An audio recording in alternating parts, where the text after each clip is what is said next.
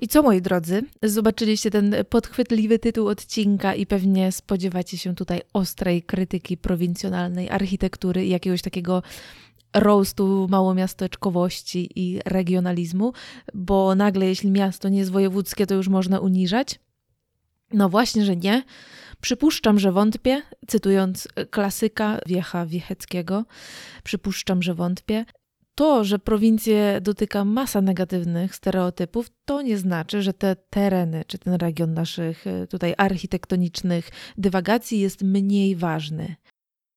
A w ogóle to warto zastanowić się nad definicją słowa prowincja y, i właśnie tę definicję sprawdzić, a ja takie ćwiczenie właśnie wykonałam.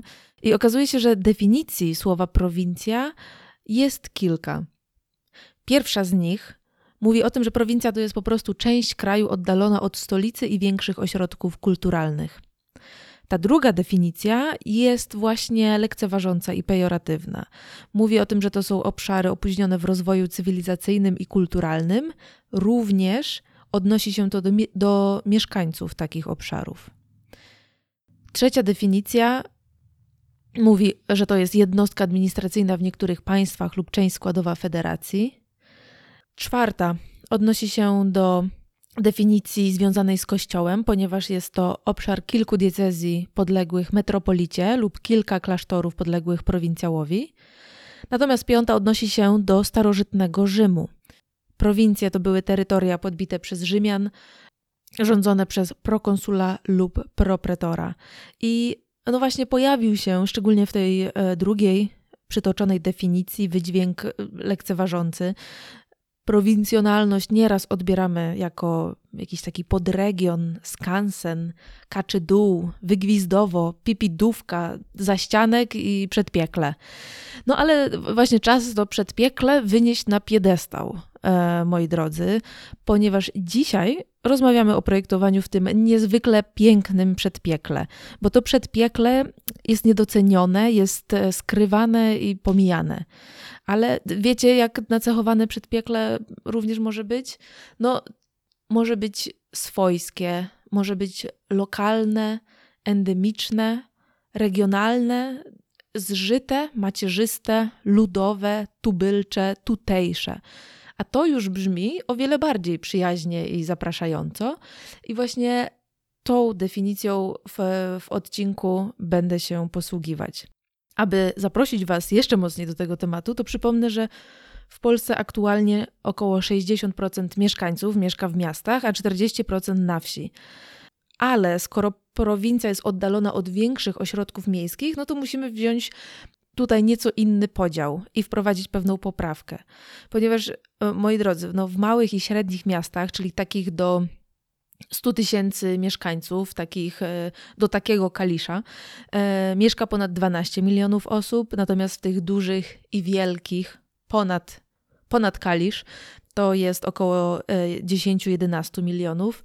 Więc jeśli do tego dołączymy wieś, liczącą około 15, no to okazuje się, że do że jeśli mówimy o prowincji, to mówimy tak naprawdę o terenach dotyczących zamieszkałych przez ponad 70% Polaków, więc najwyższa pora o niej pogadać. A dzisiaj w odcinku rozmawiam z Bereniką Zimnoch, architektką po Politechnice Białostockiej, młodą architektką, ale już z sześcioletnim doświadczeniem projektowym w pracowniach. Aktualnie natomiast działa na własną rękę. Projektuje głównie w mniejszych miastach i miasteczkach, projekty o bardzo zróżnicowanej funkcji, o których zaraz nam opowie. projektuje po prostu to, na co jest e, zapotrzebowanie, a, a żeby nawet to bardziej doprecyzować, to to, na co aktualnie jest fala dofinansowań. E, mówi, że warsztaty społeczne, takie spotkania z prezydentami miast, zaangażowania urzędników sprawiły, że e, ma wiarę w ludzi i w te projekty, i że warto z nimi i dla nich projektować, a niekoniecznie dla samej idei. O czym rozmawiamy? No, przede wszystkim o tym, jak wygląda praca architekta na prowincji, jak wygląda praca nad projektami publicznymi w mniejszych miastach, e, jak wygląda praca architekta w małym zespole albo w pojedynkę, a nie w wielkich um, biurach czy, czy wielkomiejskich korporacjach. No i z kim wówczas ten pojedynczy projektant współpracuje? Rozmawiamy o tym, z czym ta prowincjonalność się wiąże w projektowaniu, jakie są jej wady i zalety. Czy to zaangażowanie osób jest większe, czy zrozumienie zagadnień e, architektonicznych i urbanistycznych jest większe czy mniejsze? Czy bezpośredniość, która wyobrażam sobie, że istnieje w mniejszych miastach, to jest taka cecha pozytywna czy negatywna? Rozmawiamy o komunikacji i języku, jakiego miało miasteczkowość wymaga, w jaki sposób rozmawiać z mieszkańcami, w jaki sposób z urzędnikami czy branżystami. Rozmawiamy o zawodzie architekta od zaplecza, więc serdecznie Was zapraszam na rozmowę z Bereniką Zimnoch. Na wstępie od razu poproszę Cię o krótkie przedstawienie się e, naszym słuchaczom. Czym się zajmujesz? Jak do tego doszło? Na jakich polach e, działasz? Jakimi projektami się zajmujesz? No to cześć, dzień dobry wszystkim. E, jestem architektem, jestem uprawnionym architektem i jestem, mm, tak myślę, jednym z wielu zwykłych architektów, którzy nie pracują w najsłynniejszych pracowniach, pracują w średnich pracowniach, dziesięcioosobowych, lub na, teraz pracuję na własną rękę, e, a realizują bardzo, bardzo dużo. W tym momencie właśnie mm, myślę, że najwięcej się dzieje w małych miastach, ponieważ mm, no tak jak duże miasta wcześniej były dofinansowane ze środków unijnych, tak teraz te mniejsze są dofinansowane. E, przez to się zmieniają szalenie szybko i pięknie. Mm, no i podwójnie się cieszę z tej rozmowy, że jesteśmy po pandemii, wszyscy wyjeżdżają i myślę, że właśnie w tym momencie nie mamy takich pragnień typowo turystycznych, żeby odhaczać słynne miejsca z listy, tylko widzę, że wszyscy jednak ruszamy gdzieś niedaleko i tym bardziej mam nadzieję, że właśnie jakieś te nowe miejsca y, y, będzie można pozwiedzać, które powstały albo zostały wyremontowane. Ja mam 6 lat doświadczenia, mam już uprawnienia. Mm, zaczynałam od projektów deweloperskich, mieszkaniowych, ale nie do końca to czułam, mimo że w tym jest dużo, dużo teraz pracy. W pewnym momencie chyba zrozumiałam, że tam brakowało mi tego kontaktu z klientem, z inwestorem, bo jednak e, przy takich projektach e, sporych pracuje się bardzo długo, parę lat i w pewnym momencie większość czasu to jest kreślenie, które mm-hmm. na mhm. na studiach kochałam i uwielbiałam, ale właśnie w pracowni jednak um, to było dosyć nudne, bo, bo ta architektura mieszkaniowa jest, ma wiele elementów powtarzalnych, to jest ciągłe przesuwanie ścian, e, szukanie tych centymetrów na sprzedaż. E, no i tak moim zdaniem można trochę stracić e, tej miłości do zawodu. E, no i później trafiłam właściwie tak przypadkiem do pracowni, która się zajmowała taką architekturą publiczną, czyli finansowaną ze środków publicznych. Mhm.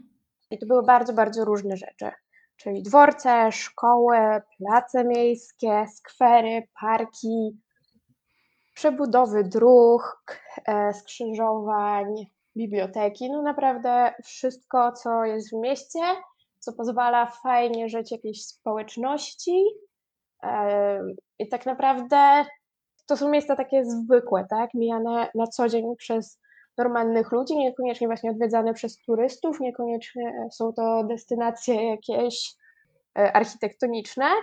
I tutaj mhm. bym chciała przekonać, bo naprawdę tyle fajnych e, rzeczy, e, obiektów budowlanych powstało małych, myślę, że na trasie zawsze można się zatrzymać i coś zobaczyć. No już zaczynając od tej historii Muzeum Ognia, które powstało jakiś czas temu, które było chyba jednym z takich pierwszych głośniejszych e, budynków w małej, małej miejscowości, która zrobiła, która zrobiła jakąś taką furorę, że, że w małym mieście, że, że to miasto w ogóle chciało coś innego zrobić, że architekt wymyślił coś na bardzo wysokim poziomie. No i tak mam wrażenie, że ta moda e, na to, że, że, że teraz te gminy małe miasta chcą coraz więcej, e, nadal trwa. I że to nie są takie projekty czysto e, budżetowe, tylko w małych miejscowościach też szuka się po prostu dobrych rozwiązań i dobrej architektury. Więc dzisiaj po prostu będziemy się skupiać na projektowaniu w małych miejscowościach.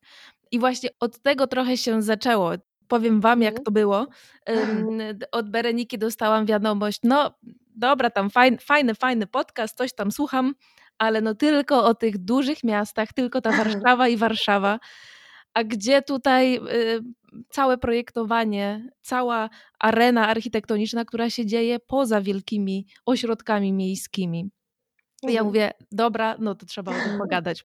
W momencie, jak wspomniałaś o tych projektach, właśnie o funkcjach publicznych, czy o projektach infrastrukturalnych, no to to nie brzmi jak projekt dla, wiesz, jednoosobowego składu, tylko to brzmi jak projekt dla całkiem sporej korporacji. E, no niestety e, architektura to nie jest branża, w której której faktycznie się buduje za duże pieniądze, tak? Ale jakby to nie jest branża, która na siebie zarabia bardzo dużo, więc tych korporacji tak naprawdę jest kilka e, w Polsce, które, żeby się utrzymać, często mają projekty z zagranicy, z Chin, z Azji, z różnych miejsc. No, Europa Zachodnia jest już zbudowana, więc tam już trochę mniej, tam już bardziej re rewitalizację. E, my mamy to szczęście, że jesteśmy w Polsce, gdzie właśnie nadal budujemy, nadal odświeżamy, po szalonych tych czasach masę miejsc, bo jakby już mamy gdzie mieszkać, ale właśnie brakuje nam tej infrastruktury społecznej, moim zdaniem.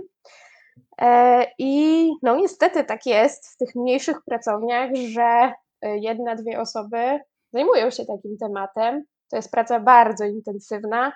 E, niestety często są to nadgodziny, niestety często są to niepłatne nadgodziny. Nie wiem, czy to jest właśnie też taki, taki brak wyboru, że na to się decydujemy, bo faktycznie w przetargach, tak, podczas wycen projektów, no tej pracy po prostu nie ma, tak? Nawet miastom wiem, że ciężko uzbierać te fundusze, które muszą wyłożyć, bo to nie jest tak, że w procentach te, te obiekty są e, finansowane z Unii Europejskiej czy z innych środków. Czasami się tak zdarza, że podczas rozmów tych pierwszych projektowych no już od razu wiemy, że po prostu ten ich budżet założony jest za mały.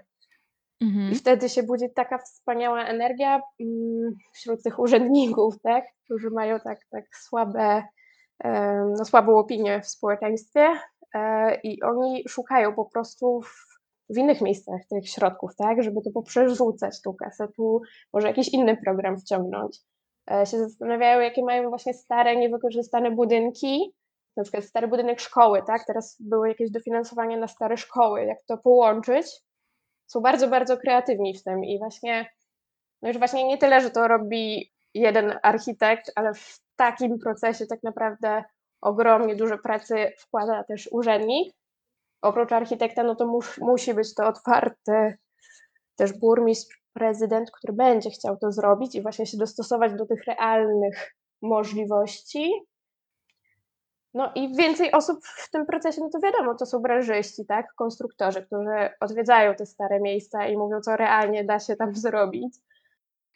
No i też kwestia właśnie, co chce społeczność, czy zechce e, dane miejsce odbudować, tak, historycznie, co, co w Polsce jest bardzo popularne, czy zupełnie na nowo, tak, i, i, i tutaj no trzeba się zastanowić, jaki jest sentyment jakby społeczny do miejsca, bo, bo czasem miejsce, które wygląda jak totalna ruina, faktycznie ma średnie opinie, nie jest lubiane, ale w tych rozmowach z ludźmi, tak, podczas konsultacji społecznych, widać, że, że mają wspomnienia, że kiedyś w dzieciństwie to tutaj się działo. No i wtedy faktycznie się zapala ten pomysł, żeby jednak to może jakoś ratować, odbudowywać, albo mhm. przynajmniej spróbować zachować jakiś układ funkcjonalny, który dla tych ludzi kiedyś działał, i gdyby teraz był odświeżony, też by pewnie działał, bo mają ten sentyment. Ale jeszcze tak wracając nawet do samego początku, na, na jakiej zasadzie te projekty są ogłaszane? Bo rozumiem, że bardzo rzadko generalnie można spotkać formę konkursową. Tak, to znaczy konkursy są, no ale tak wiadomo, no też pracownie nie stać na to, by robić projekty za darmo, a konkurs jest pracą za darmo. Jakby koncepcja, zrobienie koncepcji projektu to nie jest szkic wykonany w chwilę, to, to, to są już analizy, to jest często czytanie przygotowanych już przez miasto badań dotyczących, nie wiem, hydrologii, jeżeli tam jest jakiś rów miejski, dotyczących jakichś analiz e, zabudowy, no, zabytków, tak, jakichś wytycznych konserwatorskich, planów miejscowych. Więc to jest ogrom czasu, ogrom pracy i ogrom analiz. Więc te konkursy, no biorąc pod uwagę, że tam startuje dużo tych pracowni, a wygrywa jedna, a każda z nich włożyła w to czas, to to jest raczej mało opłacalne i rzadko pracownie się na to zdecydują, tym mniejsze. A tak normalnie, no to, to są przetargi po prostu. Mhm. I to są, no to jest jakby można powiedzieć też konkurs, ale taki bardziej formalny. No i ta chyba cena i mhm. budżet mhm. wtedy ma ogromne znaczenie tak, niż przy tak. konkursie. Więc tu chyba problemem jest ta forma konkursu. Być może jak to by był, nie wiem, dwuetapowy, że na początku ten zakres jest dużo mniejszy, gdzie rzucasz po prostu koncepcję i nie spędzasz nie wiadomo ile y, czasu, a dopiero później, gdzie już kilka miejsc jest nagradzanych, wtedy jakby zwiększyć tą opłacalność dla zespołów, żeby bo jakby generalnie wszystkim chodzi o to, żeby wygrywały jak najciekawsze, jak najlepsze koncepcje, żeby na tym pierwszym planie nie, nie pojawiał się budżet. No ale jakby później realia to weryfikują. Mhm. Też myślę, że w konkursach jest ten problem e, jeszcze średniej, średnio wysokiej, wysokiego poziomu wiedzy architektonicznej, tak? Bo jeżeli w jury konkursu nie ma architektów, projektantów, a są właśnie osoby nawet z ramienia miasta, tak, ale niekoniecznie z wykształceniem jakimś inżynierskim czy estetycznym, to mm, no jest spore prawdopodobieństwo, że bardziej się zachwycą fajną wizualizacją, a nie faktycznie niezłym układem funkcjonalno-użytkowym, tak? Mhm. Jeżeli to będzie ktoś odpowiadający za finanse, to się skupi na tych finansach.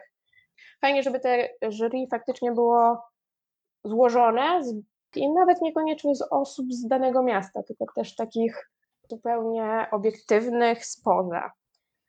No, więc to jest jedna kwestia. No w ofertach, no teraz faktycznie to trochę mam wrażenie, że się zmienia, że coraz częściej jest ta, e, jest ten, już składając mm, ofertę na przetarg, tak, wysyłając tam, w, w, wysyłając w zgłoszeniu e, nazwiska projektantów, ich doświadczenie, bo właśnie tam trzeba zebrać osoby, które mają podobne doświadczenie i za to się zdobywa punkty. E, podaje się jakiś budżet, e, szacowany harmonogram, więc jakby tutaj też no, sporo w tym samym zgłoszeniu trzeba e, włożyć w pracę, w jakąś analizę, żeby to było realne. Czy ty się uczyłaś na studiach, jak się w ogóle składa przetargi? Nie, nie. Właśnie ja się tego nie uczyłam, się nauczyłam, w ogóle nie miałam pojęcia o tym świecie. Byłam przerażona, mm, jak poszłam do tej pracowni, myślałam, że niczego nie potrafię, bo faktycznie w tych projektach publicznych trzy czwarte czasu to są formalności. Dokumenty, tak? Czytanie zasad, co trzeba, ile załączników tak, opisy, opisy są bardzo rozrośnięte, jak Biblię. No, nawet jak projektowałam e, dworzec w Ustce, to no, tą dokumentację, jak trzeba było zawieźć, już nie było kuriera. Ten projekt zajmował dwie duże walizki, tak? I wsiadaliśmy w pociąg i z nimi jechaliśmy, tak? No już pomijając, takie są zabawne sprawy, że, że projekt trzeba ręcznie E, przenumerować, tak, żeby, żeby każdy tom miał tyle samo kartek i to jest taki mój jeden, mój ulubiony moment w pracowni, kiedy wszyscy siadają i jak najszybciej numerują te księgi, te, te wydrukowane projekty. Oczywiście tam zawsze się ktoś myli ze stroną, bo coś tam się skleja, umyka i jeszcze raz trzeba zacząć, jeszcze raz. No i właśnie z ustką czy z niektórymi projektami to takie rzeczy się robiło nawet w pociągu. Mhm. Jeszcze zanim przejdziemy gdzieś tam do detali niektórych projektów, to e, powiedz proszę właśnie w jakich miastach i jakiego typu projekty projektujesz i, jakimi się zajmujesz? No to właśnie chyba tak zgodnie z dofinansowaniami. No to, to najpierw były dworce, dworzec w Mielnie, który, którego no tak od razu zaznaczam, że ja większość tych projektów to e, robiłam projekt wykonawczy, czyli ten ostatni etap albo projekt budowlany, czyli z tymi wszystkimi formalnościami. No projekt to nie tylko jakby budynek i teren, ale też właśnie ta procedura, którą trzeba zaprojektować. Trzeba sprawdzić właśnie, czy ten teren nie zahaczał jakieś specyficzne e, obszary, na przykład natury i, i, wymyślić te wszystkie procedury i do tego rysunki. No mm. i tak właśnie w Ustce to pojawiły się mm, tereny, no zalew, zalewanie, tak, przez morze, przez rzekę. W Ełku, no to był, były raczej kwestie pomników, e, mieszkańców. Ten, w Białymstoku był zbiornik retencyjny, więc już trochę tej wody, hydrologii weszło. W hełmie amfiteatr, no to tutaj się pojawiły zagadnienia scenotechniczne, więc jakby każde miejsce to, to zupełnie inny temat. Był też Bobrek Bytom. No Bobrek to jest taka no, skromniejsza dzielnica i tam projektowaliśmy zagospodarowanie terenu. No jeszcze później tak już jadę naokoło tej Polski. E, Solec Kujawski, gdzie był bardzo duży teren po... Właśnie teraz też są dofinansowanie na oczyszczanie terenów, takich mhm. zatoksynionych. Jest dosyć głośno nawet w mediach o tym i fajne powstają programy na oczyszczanie tej ziemi. Jednocześnie powstają projekty, jak już ta ziemia będzie oczyszczona, co zrobić tam, e, kiedy już będzie można tam wejść i, i, i użytkować ten teren. I właśnie w Solcu powstał projekt parku na sycalnia sportu. No i Solec to też jest fajny taki przykład, e, bo tam inna pracownia robiła dworzec e, kolejowy, który jest bardzo odważny, nowoczesny i bardzo ładny. I on też przejął takie funkcje centrum miasta, że tam widać, że młodzież, ludzie spędzają czas. Jest fantastyczne i to był zupełnie nowoczesny dworzec. A jak pojedziemy dalej na północ, to dla odmiany właśnie w Ustce e, jest zachowany dworzec, wyremontowany i obok dostawiony dworzec autobusowy pasujący do tego starego. Więc każde miasto to jest zupełnie inna historia, zupełnie inna potrzeba. Mhm. Zupełnie inny research.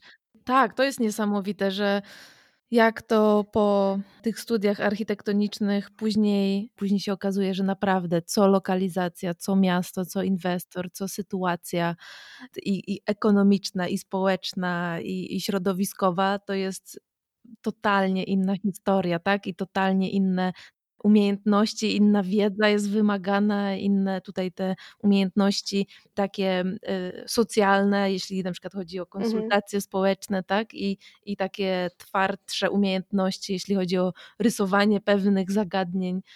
No tak, ja już się nauczyłam, bo tak zawsze miałam jakiś taki kompleks, że nie mam żadnych preferencji, co bym chciała projektować, nie mam takich marzeń, że chciałabym wieżowce budować czy cokolwiek no właśnie wiedziałam, że ta mieszkaniówka, tak, to, to deweloperka to, jest, to nie jest moje miejsce, ale myślałam, że właśnie e, to znaczy, że ja w ogóle nie lubię architektury, bo większość ludzi właśnie to lubi projektować i chce. E, no niestety dla mnie to się okazało mm, nudne po prostu. No i tak właśnie w tym projektowaniu chyba o to chodzi, że, że, że mm, projektowanie to jest otwartość, tak? Dostosowanie się do miejsca i, i przychodzi klient i po prostu masz słuchać i coś wymyślić z tego, co usłyszysz, co zobaczysz.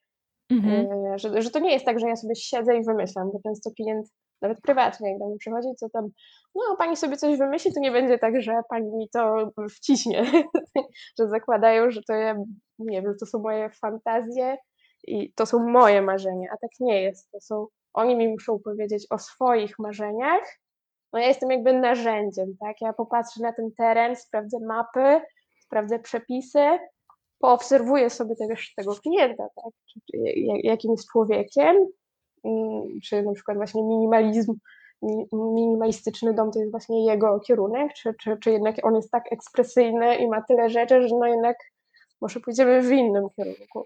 Nie, to ja się zgadzam, że dom jednorodzinny to, to jest niedoceniony projekt e, architektoniczny i rodzaj projektu, bo to może się okazać, że to, to jest bardziej skomplikowane niż mieszkaniówka, gdzie naszym, e, naszą tutaj grupą docelową jest po pierwsze, nie mamy, nie widzimy tego konkretnego człowieka, nie znamy tego konkretnego człowieka. Możemy sobie mówić, że tu są mieszkania dla studentów, tu dla rodzin, tu dla seniorów, ale jest to pewien, pewne wymagania, które są uśrednione. Z kolei przy domku jednorodzinnym jest konkretny człowiek z konkretną potrzebą albo z jakąś taką niedoprecyzowaną nawet potrzebą, którą ty musisz gdzieś tam wyciągnąć na powierzchnię.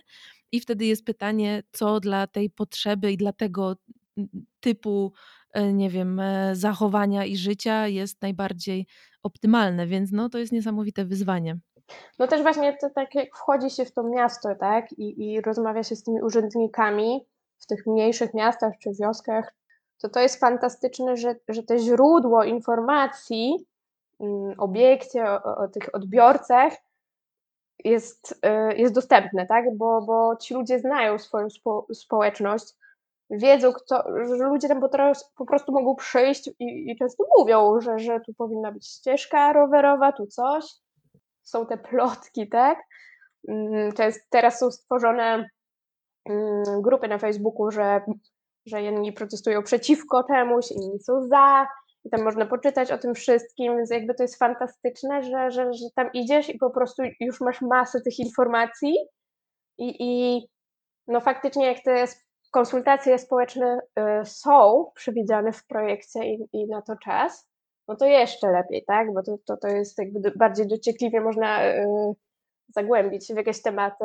Może jest taka większa bezpośredniość też w projektowaniu tak, tak, tak. E, w, w, mniejszych miejscowościach, że nie ma tyle stopni, jeśli chodzi o komunikację z innymi aktorami, instytucjami i ekspertami, tylko jest po prostu, wiesz, dzwonisz prawie, że personalnie mhm. do, do kogoś, czy, czy urzędnik ci poda po prostu z imienia i nazwiska, a nie tak jak w dużym ośrodku będzie, że cała procedura, która jest mhm. pewnie zapisana w jakimś tam dokumencie i, i wszystko musi przejść i wszystko zajmuje dużo dłużej. Ja tak cały czas będę tak naprawdę próbowała tak y, y, porównywać to projektowanie w, w mieście, w większym mieście i w, i w małych miejscowościach, bo wydaje mi się, że fajnie też tak zestawić te dwa rodzaje, nie mówiąc, że tutaj w ogóle któreś jest ważniejsze albo któreś mniej ważne. Nie, no oba projektowania są i budownictwo jest równie istotne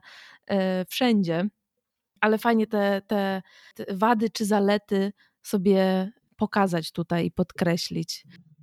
No na, na pewno w dużym mieście zauważyłam, że jakby chęć y, zaprojektowania, wybudowania czegoś, posiadania terenu y, nie wystarcza.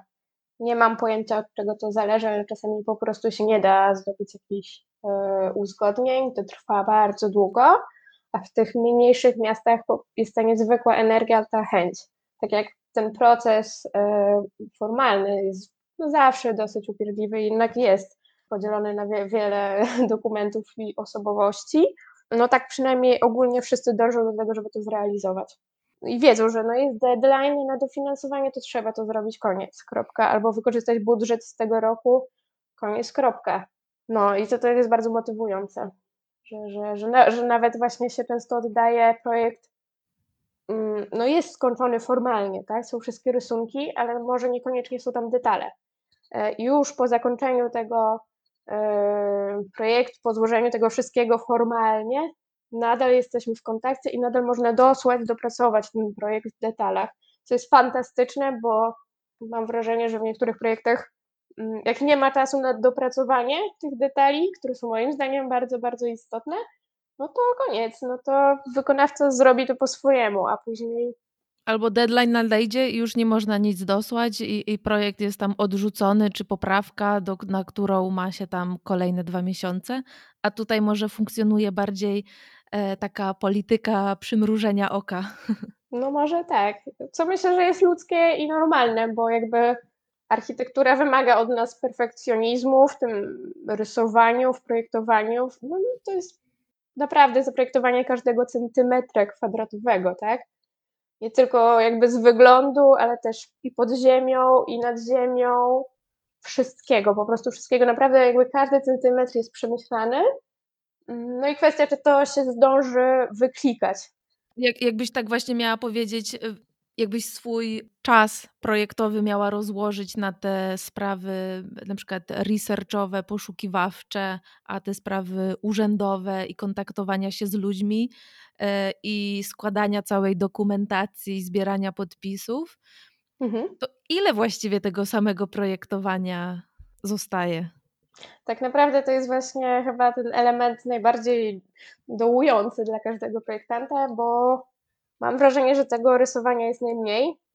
I właśnie o to chodzi, że masz w głowie, wiesz wszystko, tak, bo jesteś projektantem, no to masz pomysł na każdy centymetr, tak, ale no, na przykład masz dwa tygodnie na narysowanie konkretnego etapu projektu, czyli albo koncepcji, albo budowlany, albo wykonawczy, no czasem więcej w miesiąc, a reszta czasu to faktycznie mm, pół roku to są te formalności, te rozmowy z, z, z inwestorami, społecznością, no to może jest tydzień, dwa, to są pojedyncze spotkania, więc czasu nie ma na to zagłębienie się. Więc jakby to tylko od ciebie zależy, czy, czy zechcesz, tak? Właśnie y, pracować bardziej intensywnie, e, przeczytać więcej, czy jadąc y, na inwentaryzację, czy wizję terenu, czy nie wiem, zajdziesz do muzeum historycznego, lokalnego, gdzie -hmm. właśnie często są jacyś pasjonaci tego miasta i ci opowiedzą masę, czy jednak wtedy już będziesz wracać i, i pisać ten opis, tak? Że, że no wiadomo, każdy projektant robi kilka projektów naraz, tak? Mm, bo niektóre no, czekają na odpowiedź inwestora, niektóre leżą w urzędzie i się zatrzymują i w tych lukach po prostu wskakuje inny projekt, tak? To jest wszystko na zakładkę. Więc czasu jest mało, jest to bardzo skondensowana praca, są to ciągłe, to jest ciągłe podejmowanie decyzji, tak? Że to robię tak, takie okno, taki ten, studzienka będzie tu, powiem to elektrykowi, że non-stop trzeba podejmować decyzje, trzeba być bardzo decyzyjnym, bo jeżeli się tak szybko nie działa, no to raczej ten projekt nie powstanie. No i właśnie niestety, no przez to właśnie albo się motywujesz, robisz to szybko, przez to ten projekt może nie jest jakąś idealnie wykliko, dokumentacją, może tam nie ma nawet wizualizacji, tak, tylko ty masz w głowie tą wizualizację, ale nie zdążysz e, podzielić się tą, tym pomysłem z grafikiem, który to wymodeluje, czy, czy z kimś innym, kto to wymodeluje. Po prostu robisz to w rysunkach 2D i liczysz na to, że wykonawca to zrozumie i że może będzie ta kolejna umowa na nadzór autorski, co rzadko się mhm. zdarza i na pewno przypilnujesz to. Chociaż szczerze mówiąc, no, znam projektantów i sama tak mam, że nawet jak nie mam nadzoru autorskiego, to jeżeli ktoś dzwoni z budowy i pyta, o co tu chodzi, że to nie było narysowane, to ja mówię, rysuję, bo mi zależy na tych projektach. Jednocześnie też, no kurczę, e, jak nie znasz miejsca, w którym projektujesz, albo jest to jakieś miasto oddalone od właśnie tych dużych miast, no to to jest też ciekawe zagadnienie, że nie masz pojęcia, e, jakie masz tam umiejętności, bo czasami nie ma tych e, lokalnych wykonawców, więc też nie możesz zastosować tam jakichś nowoczesnych, wybajerowanych technologii, tak? Czy, czy nawet beton architektoniczny na ścianie mógłby być problemem, bo nie wiadomo, kto to będzie mieszał i czy to mhm. będzie dobrze zrobione i czy to nie wyjdzie, czy to nie będzie wyglądało koszmarnie. Więc często te projekty jednak warto wykonać w tradycyjnej technologii, może dokładniej przemyśleć, ale przynajmniej z, tak, z takim komfortem psychicznym, że E, jest większe prawdopodobieństwo, że ktoś sobie, wykonawca sobie z tym poradzi, jakikolwiek by on nie był.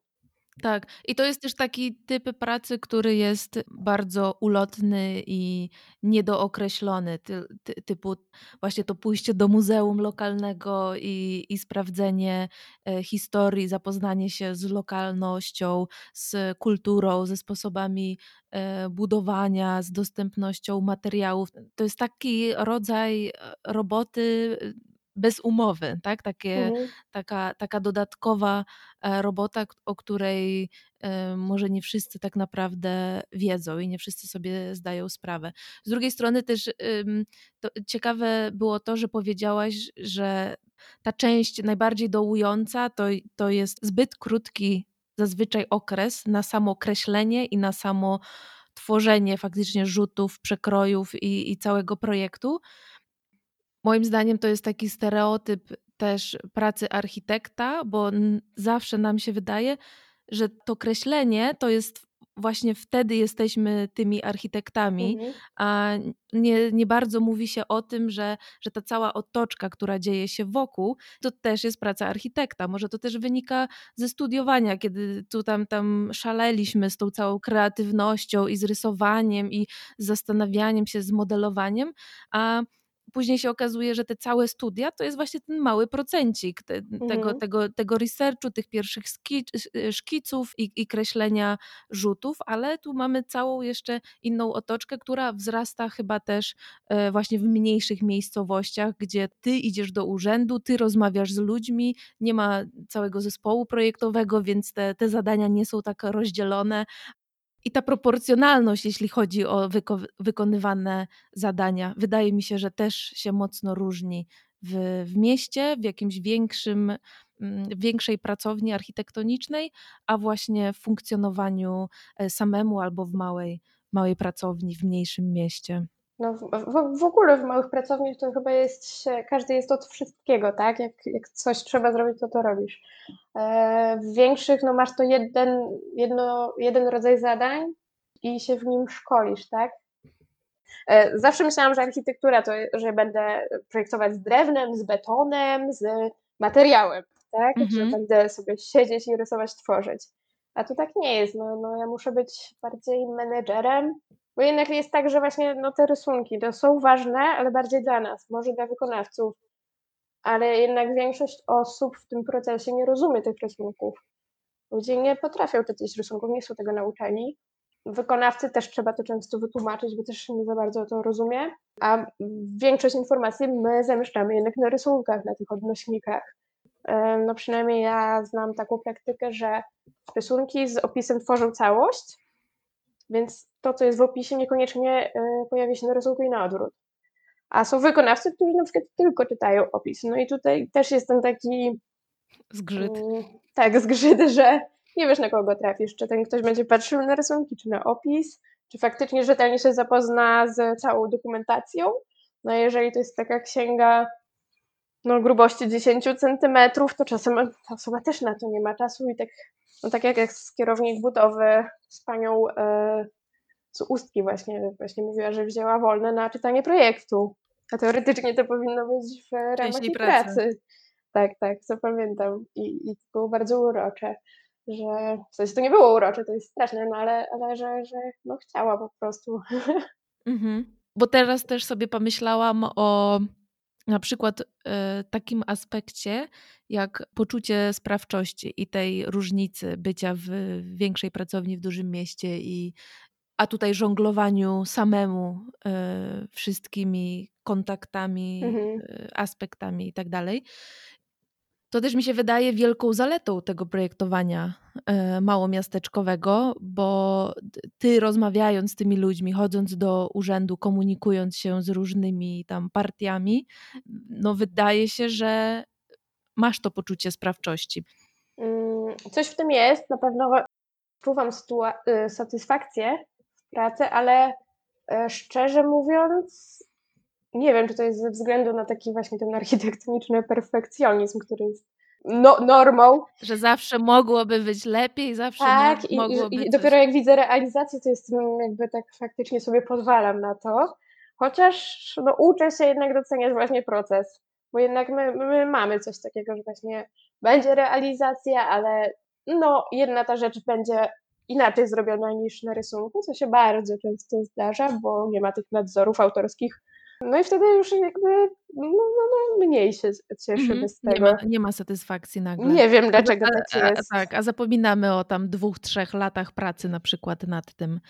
Tak. A jak się czujesz w, w pozycji właśnie komunikowania się ze społecznością, gdzieś mhm. tam z różnymi ludźmi? Jak wygląda ta komunikacja? Zauważasz gdzieś też zmianę języka, jakim musisz się komunikować e, tu z wykonawcami, tu gdzieś z branżystami, a tutaj o, pewnie, z, ze tak. społecznością? Oj, tak, to jest dobre pytanie. E, ja chyba długo nie, zau nie zauważałam, jak e, hermetycznym środowiskiem jest ta architektura. No, jednak używamy innego słownictwa, już nawet ta wizualizacja, rzut, plan, te podstawowe słowa w naszym języku są zupełnie obce dla innych. No, tak samo też urzędników. No, jeżeli to jest jakiś inżynier albo ktoś, kto pracował na innym stanowisku, to wie, ale jeżeli ktoś jest nowy, tak, a tak często się zdarza, no to też nie wszystko wie, tak, i, i wtedy faktycznie może ja więcej mówię i tłumaczę, a czasami jak to jest właśnie stary jakiś inżynier, to, to też się zdarza, że on mnie dużo, dużo uczy. A z, ze społecznością, no to tak jak były te konsultacje społeczne na Boprku, to zauważyłam, że właśnie cały ten proces analizy dla klientów, dla społeczności e, jest naszej analizy takiej wewnętrznej, bo to tak naprawdę my czytamy sobie, podsumowujemy i na tej podstawie coś rysujemy i pokazujemy ten efekt. A ludzie jednak chcą usłyszeć o całym, o całej tej analizie, bo ich nie obchodzi to, że ja pokazuję im ładny obrazek, oni się boją, że tam są nierozwiązane te problemy, tak, które ja już przeanalizowałam. I muszę przyznać, że na początku to było takie frustrujące, że już pokazuję rezultat, spokój, już wszystko roz, do rozwiązane, koniec. A tu się okazuje, że ja jakby ten cały proces swój muszę opowiedzieć, tak? Może to jest taka też kwestia ograniczonego zaufania, że, że, może wiesz, tak, że oni może chcą tak. wiedzieć, jak, jak do tego doszłaś. Nie wiem, na czym to polega, ale, ale ludzie się boją, że to będzie po prostu taka estetyczna fanaberia, tylko ładne, ale mało wartościowe, mało funkcjonalne. A, a jakby mam wrażenie, że w ogóle ludzie nie wiedzą, że architekt głównie dba o tą funkcjonalność, że tak naprawdę my wszyscy w Polsce szczególnie studiowaliśmy architekturę i urbanistykę, czyli to jest, urbanistyka to jest planowanie przestrzenne. To nie chodzi o to, żeby narysować drogę i chodnik, tylko żeby pomyśleć socjologicznie, społecznie, jak ci ludzie się poruszają, czego potrzebują, mhm. że dominanta w mieście to nie chodzi o to, że tam jest wysoki budynek, ale ona też potrafi, jakoś orientuje ludzi w tym mieście. Mm, dużo projektów robiłam w Katedrze Kultur, kultur Lokalnych, e, czyli takiej, mm, no nie folkowej właśnie, tylko skoncentrowanej na bardzo dogłębnym analizowaniu tego otoczenia i wyciąganiu z niego jak najwięcej. No i tak właśnie, właśnie jakby architekt tak dużo zagadnień ogarnia, e, że, że naprawdę jest mi przykro, że klienci nam tak nie ufają i że mamy tak z, no, słabą opinię w społeczeństwie, że, że katalogi są jednak tym pierwszym wyborem, mm, no a klient raczej, raczej nie ufa i to, to jest bardzo smutne.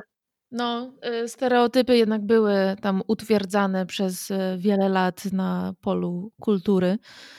Teraz powoli z tym walczymy, ale to też zajmie trochę czasu, żeby mhm. zmieniać te przyzwyczajenia i ten, ten obraz architekta jako właśnie tylko kładącego nacisk bardziej na e, nie wiem, swoje ego niż jakieś potrzeby socjalne w otoczeniu. To znaczy faktycznie są tacy projektanci, którzy no, trochę mm, przerzucają te swoje ego i to jest jakiś rodzaj, mm, no to jest jakiś problem, ale jest druga połowa bardziej tych empatycznych architektów, E, są to często te osoby jednak od zaplecza pracujące, nie, nie ci główni szefowie w pracowniach, e, tylko właśnie masa fajnych też babeczek od zaplecza. Teraz jest głośna ta dyskusja o kobietach w architekturze. No i właśnie ja się cieszę z tych konsultacji społecznych, tak? bo zawsze myślałam, że to jest takie niepotrzebne, ale jednak każda konsultacja albo każda rozmowa, którą miałam z użytkownikiem, przewracała projekt do góry nogami co jest świetną lekcją właśnie tego, jak ciężko tak z zewnątrz zrozumieć miejsce po prostu. Ale też takie, rozmowy właśnie z lokalną społecznością mogą być um, niekoniecznie bardzo właśnie łatwe i przyjemne, bo z drugiej strony rozmawiasz w tym momencie z ekspertami danego miejsca. Nie? w sensie, tak, ty im nie tak. powiesz, że ale moi drodzy, ten, y, nie wiem, dom tutaj coś nie pasuje do tego. Oni powiedzą, mm. że mhm. ale proszę pani, no tutaj ten, ten człowiek tutaj od lat mieszka, coś tam, coś tam. Jakby to, to oni, wiesz, będą ciebie uczyć. Ale z drugiej strony właśnie, to ty masz te umiejętności spojrzenia na to od innej skali, od różnych innych zagadnień urbanistycznych chociażby. No tak, ale właśnie konsultacja to nie jest jakby wywiad, tak? Ja, jakby nie szukam y, wypowiedzi, odpowiedzi na moje pytania, tylko mhm. to jest naprawdę rozmowa. I, I, w takich momentach właśnie y, zgrzytów ja tłumaczę, tłumaczę, tłumaczę o co mi chodzi, dlaczego, daję przykłady z innych miast. Jak się pojawia ta wrogość, że nie jestem z Warszawy, ale że przyjechałam z Warszawy, a to często jest zarzut, no to mówię, że jednak nie jestem z tej Warszawy, że, że ludzie y, no, mają dużo potrzeby poczuć się bezpiecznie jak widzą inne przykłady, no to czują się bardziej bezpiecznie. Nie muszą tu być przykłady z Polski. A że na początku traktują cię trochę jako takiego intruza, który przyjeżdża tak, z dużego miasta i tak, próbuje coś tak. im tutaj zagmatwać. W, w... Zmarnować kasę. No, zmienić no. ich własną swojskość na jakieś no. y, wielkomiejskie luksusy. Tak, ale z drugiej strony no, szybko jakby widzą, że, że no przecież to nie jest dla mnie, tak? Jakby to nie jest moja kasa. No mi zajęło to bardzo, bardzo długo, żeby się nauczyć rozmawiać z klientem, bo jednak na studiach nie mieliśmy żadnych przedmiotów, nie mieliśmy zarządzania. Mieliśmy jakby to zarządzanie przestrzenią, tak, to urbanistykę, to, to te analizy, w tym jesteśmy dobrzy, ale jednak ten kontakt z człowiekiem, to, to, to był dla mnie najtrudniejszy element. co jest smutne, bo jednak projektujemy dla ludzi, tak? Więc to powinno być takie jednak najłatwiejsze i, i fajnie, żebyśmy chyba na przykład na uczelniach nie robili takich projektów dla wyimaginowanych klientów, czy, czy właśnie pod konkursy, tylko może dla siebie nawzajem, osoby. tak, dla, dla, rodziców, nie wiem, cokolwiek, tak? Ja myślę, żeby się znalazło masę chętnych osób, które by się zaangażowały w takie zajęcia ze studentami.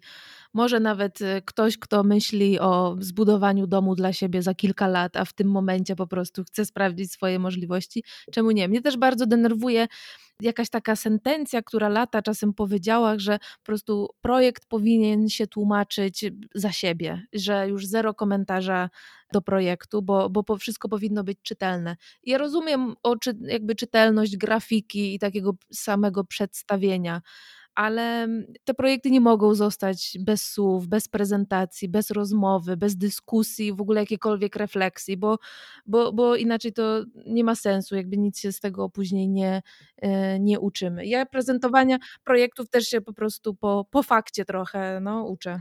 Ale nawet właśnie e, chyba w tym momencie właśnie o to chodzi, że teraz ta architektura nie jest przemilczana. Teraz naprawdę się dzieją w internecie potężne dyskusje pojawia się post o, o nowym obiekcie, nieważne gdzie on jest. E, są fora ludzi, którzy dostając rysunek od architekta, tam je wrzucają i pytają, co o tym myślicie, drodzy ludzie z forum. I nasza praca jest naprawdę publiczna już na etapie projektu. I całe forum ludzi może tam zakrzyczeć i przekonać tego e, kogoś, że, że, że to jest zły projekt, że mi się to nie podoba. Trzeba sobie uświadomić, jak bardzo no ta praca właśnie nie wiem, czemu jest taką zagadką dla klientów, skoro zaczyna być coraz bardziej widoczna właśnie na forach. Na początku byłam tym przerażona, ale z drugiej strony teraz zaczęłam to widzieć jako taką chęć ludzi do poznania tego środowiska, no, które kurczę, no w ogóle nie wiem, jestem troszkę wkurzona na te instytucje architektoniczne, na SARP, e, Izbę. One nie powinny służyć tylko architektom. One powinny służyć architekturze, więc też odbiorcom. Też powinny informować tych klientów, co oni mogą, o co chodzi, po co ja mam jakby tą pieczątkę uprawnienia i co za tym idzie, tak? No co z tego, że ja im pokażę pieczątkę, ale oni myślą, że to jest pieczątka, którą sobie sama zrobiłam, tak? Ich to nie interesuje, no. Tak, że, że to jest specjalna guma, którą dostałam od izby, tak jak lekarz. Jak ją zgubię, to muszę się zgłosić na policję, że zginęła mi cenna rzecz bo ktoś może to wykorzystać, że za tym idzie jakaś odpowiedzialność, jakby ludzie o tym nie wiedzą, że naprawdę mm, tak jak u notariusza, czujesz się bezpiecznie, notariusz dba o te dwie strony, które spisuje, tak? Mhm. No tak u architekta też możesz się poczuć bezpiecznie i mówić o wszystkim, o wszystkich wątpliwościach. To jest jakby według definicji zawód y, zaufania publicznego, a w Polsce tego zaufania nie ma i to jest, to jest porażka. To jest wielka porażka i myślę, że to właśnie tak jak architekci próbują rozmawiać e, indywidualnie z klientami, miasta no to już wiedzą, że potrzebują architektów, ale po prostu czasem nie mają środków na projekty, tak jak była jakaś taka głośna sytuacja ostatnio, że jakiś burmistrz sam rozbierał garaż, bo pewnie nie było mm, kasy, na, może w tym wypadku na wykonawcę, nie, że na projekt rozbiórki, no ale to pokazuje jakąś taką fatalność, że no, cenniki przygotowane chyba przez te mniej więcej mm, albo przez, albo w konsultacji z tymi organizacjami architektonicznymi e, są za niskie, tak? Znaczy to jest takie błędne koło, że ta izba na przykład dając uprawnienia mówi e, wyceniajcie lepiej projekty, bo jest źle, no ale co z tego, że ja wycenię na przykład lepiej projekt, kiedy na przykład miasto nie ma więcej kasy po prostu, bo na etapie przetargu przygotowywania się do tego ceny ustalało na podstawie jakichś tabeli, tak, które są ogólnie dostępne w internecie. W ogóle na wszelkie projekty są ogólne tabele, rozpiski, no i tam można się zapoznać, ile powinien projekt, projekt na przykład domu kosztować, tak? Że to, że to nie są ceny z kosmosu, tylko są narzucone, no i myślę, że ta góra powinna o to zadbać trochę lepiej. No tak, to nie jest w, I, w rękach architekta. Nie, bo też mam wrażenie, że dużo znajomych pyta mnie o ten zawód, no, czytają książki, które są dostępne na rynku, takie mm, Biblie, mm, na podstawie których my się uczyliśmy architektury na studiach, były za moich czasów jeszcze po angielsku. Teraz są tłumaczone na język polski, więc super, ale nadal jakby mm, źródło wiedzy architektonicznej dla odbiorców, nie dla architektów, jest dosyć małe. Więc, więc fajnie, że nawet ten podcast istnieje, który porusza no nie tylko zagadnienia skierowane do studentów czy architektów, ale też tak, tak myślę, że do zwykłych ludzi. Mhm. Nie no, nawet e, ten podcast uczy mnie jakiegoś posługiwania się językiem i kontrolowania tego języka, jakim, jakim ja mówię. Więc to, to, to jest też fajna nauka. No dobra, narzekanie narzekaniem, ale to które te momenty sprawiają, że, że ty w tym zawodzie cały czas jesteś? Z których mhm. E, momentów czerpiesz właśnie tą, tą energię i największą satysfakcję? Wiesz co, właśnie chyba te przewroty, jak e, konsultacje społeczne na Bobku i właśnie dziecko mi mówi, że wie pani co, tutaj już kiedyś był plac zabaw, to zostało wywiezione, ukradzione i, i te dziecko z Bytomia y, mówi mi, że ono chce mieć tu wylany beton, pomalowany kolorowo i to będzie jego plac zabaw i koniec, bo to zostanie i, i on to chce. On nie chce żadnych metalowych, drewnianych zabawek, nie chce tych trawiastych, bo nawet tę trawę sprzedadzą, że, że i ja się poczułam jak totalna idiotka, jakby, bo nie wpadłam na to, żeby zaprojektować betonową pustynię. A to jest jakby jedyna rzecz, którą to dziecko faktycznie będzie miało na dłużej. Tak, i ono było tak świadome zjawisk społecznych, które występują, e, tak zdroworozsądkowe, ale jednocześnie tak słodko dziecięce, że, że to było niezwykłe. No, w Ustce no to fantastyczni są urzędnicy, w Ełku też. Mm, I oni po prostu chcieli to zrealizować, chcieli to zrealizować jak najlepiej, dosyłali zdjęcia historyczne. Byli w pełni zaangażowani, tak? W tak, ten projekt. i to, to było nie, niezwykłe. No. Opowiadali, że nawet idąc w ten teren, ludzie widzieli, że się coś mierzy, ogląda, no to, to, nawet jesteś panowie tam siedzący na ławce zawsze podpytywali, ale co tu będzie, a ten. E, w Słupsku poznałam kiedyś przypadkiem młodych ludzi i też z nimi długo rozmawiałam i właśnie teraz już po realizacji tego dworca w pisali ze mną, że im się podoba, że są w szoku i w ogóle bardzo pozytywnie. W Białymstoku na osiedlu Bema to był bardzo skomplikowany projekt, gdzie akurat dużo się dowiedziałam e, raczej o hydrologii. O, to była jakby branża, z którą nigdy nie pracowałam, w tym momencie myślę, że, że powinna być jednak w każdym projekcie, szczególnie ze względu no, na te problemy z wodą, jakie e, mamy. I tam się właśnie też okazało, że no ogólnie mam wrażenie, że na wschodzie Polski mapy są mniej e, dokładne. Dostajesz mapę, a podczas realizacji okazuje się, że tam pod ziemią jest zupełnie coś innego. Jak miałam projekty na zachodzie Polski, to nie było tego problemu, no i tam właśnie to było mega fascynujące, jak, jak ci hydrolodzy yy, z takich teoretyków, którzy nie za wiele mają okazji w tym momencie niestety do realnego zaprojektowania czegoś, tak? Yy, piszą masę artykułów, bo ich, ich jest sporo, yy, tylko że właśnie są silnymi teoretykami.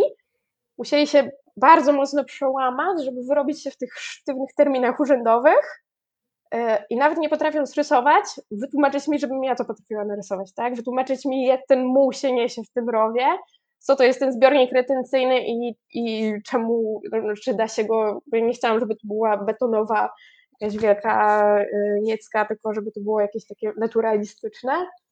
No i to była masa, masa ciekawych technicznych informacji, tak? O tym, że właśnie no teraz mamy już coraz więcej tych nawałnic, nasz klimat się zmienia, że raczej będzie sucho, sucho i nagle olbrzymi, olbrzymi deszcz albo olbrzymie roztopy i na to musimy być gotowi, tak? Studzienki muszą być większe, te rowy też muszą być większe, coraz więcej tych zbiorników retencyjnych muszą być, yy, musi być budowanych, żeby ta woda mogła się zatrzymać i żeby przez te wąskie, wyprostowane sztucznie rzeczki w miastach, tak, czy te rowy mogło spływać, bo niestety no, w miastach przez to zawężenie rzek mm, ta woda, jak się nagle zbiera, to nabiera takiego rozpędu przez to, że ma prosty kanał, tak? To jest jak zjeżdżalnia. No i brak tych na, na, na, brak nasiąkliwych po, poboczy. O Jezu, już no, mówię że, jakimś że infrastrukturalnym tak, językiem. jak rzeka górska wręcz, więc jakby teoretycznie w miastach mamy rzeki górskie, co nie? Takie pędzące, yy, bo tak sobie zrobiliśmy i co z tym zrobić? Tak, no i tutaj właśnie ta woda przewracała cały projekt Y, parczku z ławkami, z, z placami zabaw, które po prostu musiały odejść na drugi plan, być po obwodzie poprowadzone, a środek całego terenu musiał być obniżony i okazjonalnie zalewany, tak? Nie mogę powiedzieć, że lubię e, swój zawód za inwentaryzację, bo to są często zniszczone, zahaszczone tereny. E, raz właśnie wpadliśmy na taki bunkier, który był pełen śmieci. Nie wiedzieliśmy, że tam posadzka jest e, taka pochyła, tak? Więc prawie, że się stoczyliśmy, więc jakby to są takie momenty po prostu takie prze, przeokropne i obrzydliwe, że, że przełamujesz jakieś swoje granice i jednocześnie wiesz, że musisz to zmierzyć. A z drugiej strony takie, wiesz, archeologiczno, nie wiem, urbexowe tak. doświadczenia, o których y, tak. być może ludzie myślą, że no, architekci no, a, a, to w ogóle tak. siedzą za komputerem tylko, a, tak. nie odkrywają. No, a później za sekundę po tych śmieciach i smrodku idziesz na spotkanie z prezydentem miasta i, i, i już nie wiesz, co masz w płci myśleć. Bardzo skrajne doświadczenia. Czy wydaje ci się, że ta swoboda projektowa ze względu e, na właśnie małomiasteczkowość jest większa, bo, bo i urzędnicy bardziej elastyczni i, boże, i być może brak planów miejscowych i takie rzeczy? Czy raczej ta swoboda jest mniejsza ze względu na budżet i może sposób myślenia? Ja myślę, że swoboda jest mała, ale jak się rozmawia, to ona wzrasta. I to jest moim zdaniem klucz. E, bardzo często na przykład po przeniesieniu koncepcji słyszymy, że, słyszałam, że nie, nie, nie, nie, nie, ale jak o tym streściłam tą sytuację, opowiedziałam to z mojego punktu widzenia, nagle to się robiło na tak i mhm. zarówno nasza praca nie szła na marne, mm, tak szybciej właśnie mogliśmy dopracować i mieć więcej tego czasu na te, do pikania tego pomysłu, no bo jednak raczej architekci mają dobre pomysły, no te źle zrealizowane pomysły, to niestety często to są pomysły inwestorów, tak? A wtedy architekt jest ich zakładnikiem, tak? Ale, ale w tych publicznych, no to raczej tak nie ma. No, nie, no to to jest świetna puenta e, w zasadzie i świetne podsumowanie, że, że ten dialog i rozmowa e, nam trochę rozbraja ograniczenia i, i, i zwiększa swobodę projektową, co jest super konkluzją. Dobra, y, y, czas zakończyć. Może na zakończenie w ogóle możemy polecić e, jakieś projekty, budynki, realizacje właśnie w mniejszych mhm. miejscowościach. Wspominałaś już e, o projektach, nad którymi ty pracowałaś, ale e, nie wiem, czy masz jeszcze coś do dodania, a może niekoniecznie, a może po prostu jakiś twój, wiesz, też ulubiony projekt. Ulubiony moich znajomych projekt to, to jest Biała Podlaska, Dolina Krzny. Mhm. Przepiękna kładka yy, i przepiękna mała architektura, indywidualnie zaprojektowane yy, ławki. To jest jedna, jedyna właściwie taka duża yy, realizacja tego miasta. Samo uroczy projekt to Mielno. Kurczę, nie pamiętam, ale tam po prostu są zrobione w lesie rozrzucone takie rzeźby. Olbrzymi kasztan, olbrzymi naprawdę taki trzymetrowy kasztan, więc to jest takie zupełnie zabawne. No nie wiem, Kumowa Dolina, to jest amfiteatr ze stokiem narciarskim, jest całkiem zabawnie. Y, ja mogę dorzucić, ale oczywiście też ze względu na moich poprzednich rozmówców, w Markowej jest e, Muzeum Polaków Ratujących Żydów na Podkarpaciu. To jest Markowa koło Łańcuta mhm. i, i to jest projekt Nizio Design International. I tam byłam, odwiedziłam bardzo e, ciekawe muzeum ze względu na tematykę, ale też i samą formę. I też to, co mi przyszło do głowy, to jest pod Warszawą y, Żelazowa Wola i super rozbudowa Muzeum Fryderyka Chopina. I to jest projektu Bolesława Stelmacha. No to ja bym jeszcze dorzuciła do tego tak tematycznie muzealnie w Białymstoku Muzeum Sybiru, którego czekam na otwarcie i tak jak budowali, to byłam trochę sceptycznie nastawiona, ale ostatnio jak przyjeżdżałam i zobaczyłam to zrealizowane, to zapowiada się fantastycznie. Mhm. E, o ile to można tak powiedzieć o tym temacie, ale, ale ciekawy na pewno budynek. W ogóle na plażę w Białymstoku, nie wszyscy wiedzą, że tam jest, jest fajnie odnowiona. E, dużo portów, właśnie ostatnio byłam w Piszu, e, porty w Piszu są przepiękne i plaże po prostu jak jakiś kurort na południu Europy, no wiuśki, łódki. Akurat wtedy były wszystkie wynajęte, ale prze, przemiło tam było. No i super. I do, tej, do tego poszukiwania właśnie lokalności, a niekoniecznie wyjeżdżania, nie wiem, gdzieś, latania na city break, nie wiadomo gdzie, tylko do poszukiwania lokalności gorąco zachęcamy. A Tobie, Bereniko, serdecznie za, y, dziękuję za rozmowę i dziękuję, że do mnie napisałaś i e, życzę powodzenia i być może do usłyszenia za jakiś czas. No, bardzo miła rozmowa i mam nadzieję, że też innym się spodoba. Dzięki Też wielkie. powodzenia. Dziękuję bardzo za wysłuchanie tego odcinka. E, mam nadzieję, że dowiedzieliście się kilku nieoczywistych faktów o zawodzie architekta oraz mam nadzieję, że ta rozmowa sprawiła, że teraz e, nieco bardziej wszyscy się zainteresujemy nie tylko tym, co się dzieje w większych miastach, ale również na lokalnej, swojskiej, przyjaznej i niezmiernie interesującej prowincji. Na zakończenie chciałabym Wam również przytoczyć świetną puentę, która pada z ust mojej rozmówczyni, a mianowicie, że projektowanie to jest otwartość, to jest dostosowanie się do miejsca. I to zdanie bardzo trafnie opisuje zarówno elastyczność projektanta, ale również to bogactwo i wartość prowincji. A do tego, no chyba na koniec y, wypadałoby koniecznie pozdrowić urzędników w Ustce i w Ełku, no i tak, moi drodzy, nie wiem czy dacie wiarę, ale to był 30 odcinek podcastu Architektura Powinna. Bardzo serdecznie Wam dziękuję, że cały czas słuchacie podcastu, że czasem do mnie piszecie, że wyrażacie swoje opinie. Ja się bardzo cieszę, że takie rozmowy mogą wypełniać Wam uszy podczas klikania w pracy, podczas spacerów, jazdy na rowerze i, i mycia naczyń. Serdecznie zapraszam na Instagram, na profil Architektura Powinna. E, no i co? Bądźmy uważni, bądźmy świadomi otaczającej nas małomiasteczkowości i do usłyszenia w kolejnym odcinku.